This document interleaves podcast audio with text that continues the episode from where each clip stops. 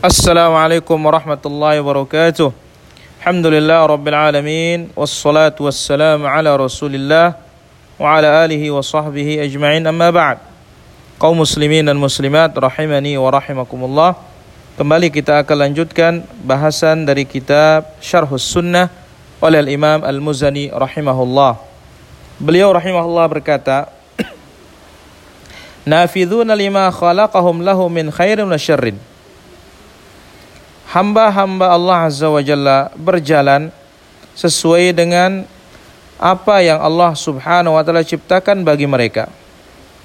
Maka siapa yang diciptakan untuk kebahagiaan dan kebaikan, dia akan berjalan di dalam kebaikan. Dan barang siapa yang diciptakan oleh Allah Azza wa Jalla untuk kecelakaan, maka dia akan berjalan di atas jalan celaka dan jalan kesesatan. Nabi sallallahu alaihi wasallam telah bersabda kepada sahabatnya ketika sedang mengantar jenazah ma minkum min ahadin illa waqad kutiba maq'aduhu minan nar wa maq'aduhu minal jannah. Setiap orang di antara kalian telah tercatat tempatnya di surga atau di neraka. Maka sahabat bertanya ya Rasulullah afala nattakilu ala kitabina wa nad'ul amal? Apa kita tidak berpatokan dan bersandar kepada catatan kita saja tidak perlu kita berbuat Fa'ajabahumur Rasulullah sallallahu alaihi wasallam. Dengan maka Rasul sallallahu alaihi wasallam menjawab dengan jawaban yang singkat dan padat. I'malu fa kullun muyassarun lima khuliqalah. Berbuatlah kalian. Setiap orang akan dipermudah sesuai dengan takdirnya.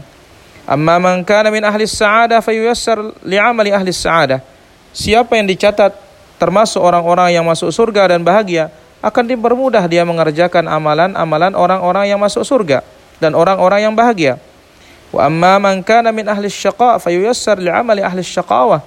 Dan siapapun yang dicatat menjadi penduduk neraka, maka dia akan dipermudah juga untuk beramal dengan amalan penduduk neraka dan yang celaka.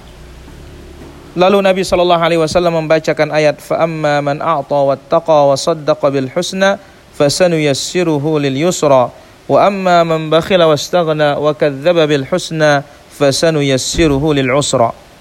Adapun siapa yang memberi dan bertakwa dan membenarkan la ilaha illallah, membenarkan jannah, maka akan dipermudah baginya menuju kebaikan. Adapun yang pelit dan merasa cukup dan mendustakan al-jannah, mendustakan la ilaha illallah, maka akan dipermudah baginya menuju jalan kesukaran dan jalan neraka.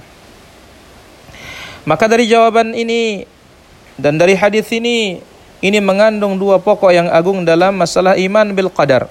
Pertama, i'malu, berbuatlah. Hamba diperintahkan untuk berbuat, untuk berjuang bagaimana mendapatkan surga Allah Subhanahu wa taala. Kemudian yang kedua, fakullun muyassarun lima khuliqalah. Setiap orang akan dipermudah sesuai dengan takdir yang telah ditetapkan oleh Allah Subhanahu wa taala. Maka dengan demikian, apabila kita beramal berbuat maka kita dipermudah sesuai dengan catatan kita. Dengan demikian kebahagiaan dunia dan akhirat tidak mungkin diraih kecuali dengan dua hal ini. Itu mujahadatin nafs berjuang menundukkan diri untuk taat dan kebaikan dan meminta bantuan kepada Allah Subhanahu wa taala. Kemudian al-musannif rahimahullah berkata, la yamlikuna li anfusihim min at-ta'ati naf'a wa la yajiduna ila sarfil ma'siyati anha daf'a. Ini adalah ucapan yang menetapkan apa yang telah lalu yaitu melaksanakan sebab tidak bisa hanya sebab itu yang akan mendatangkan kebahagiaan atau menolak kecelakaan. Tetapi semuanya itu di bawah kehendak Allah Subhanahu wa taala. Wa ma tasyauna illa ayyasha Allah rabbul alamin. Apa yang kita kehendaki tidak akan terlaksana kecuali dengan kehendak Allah Subhanahu wa taala. Jadi kehendak manusia itu semuanya di bawah kehendak Allah tabaraka wa taala. Wallahu taala ala wa alam walhamdulillahi rabbil alamin.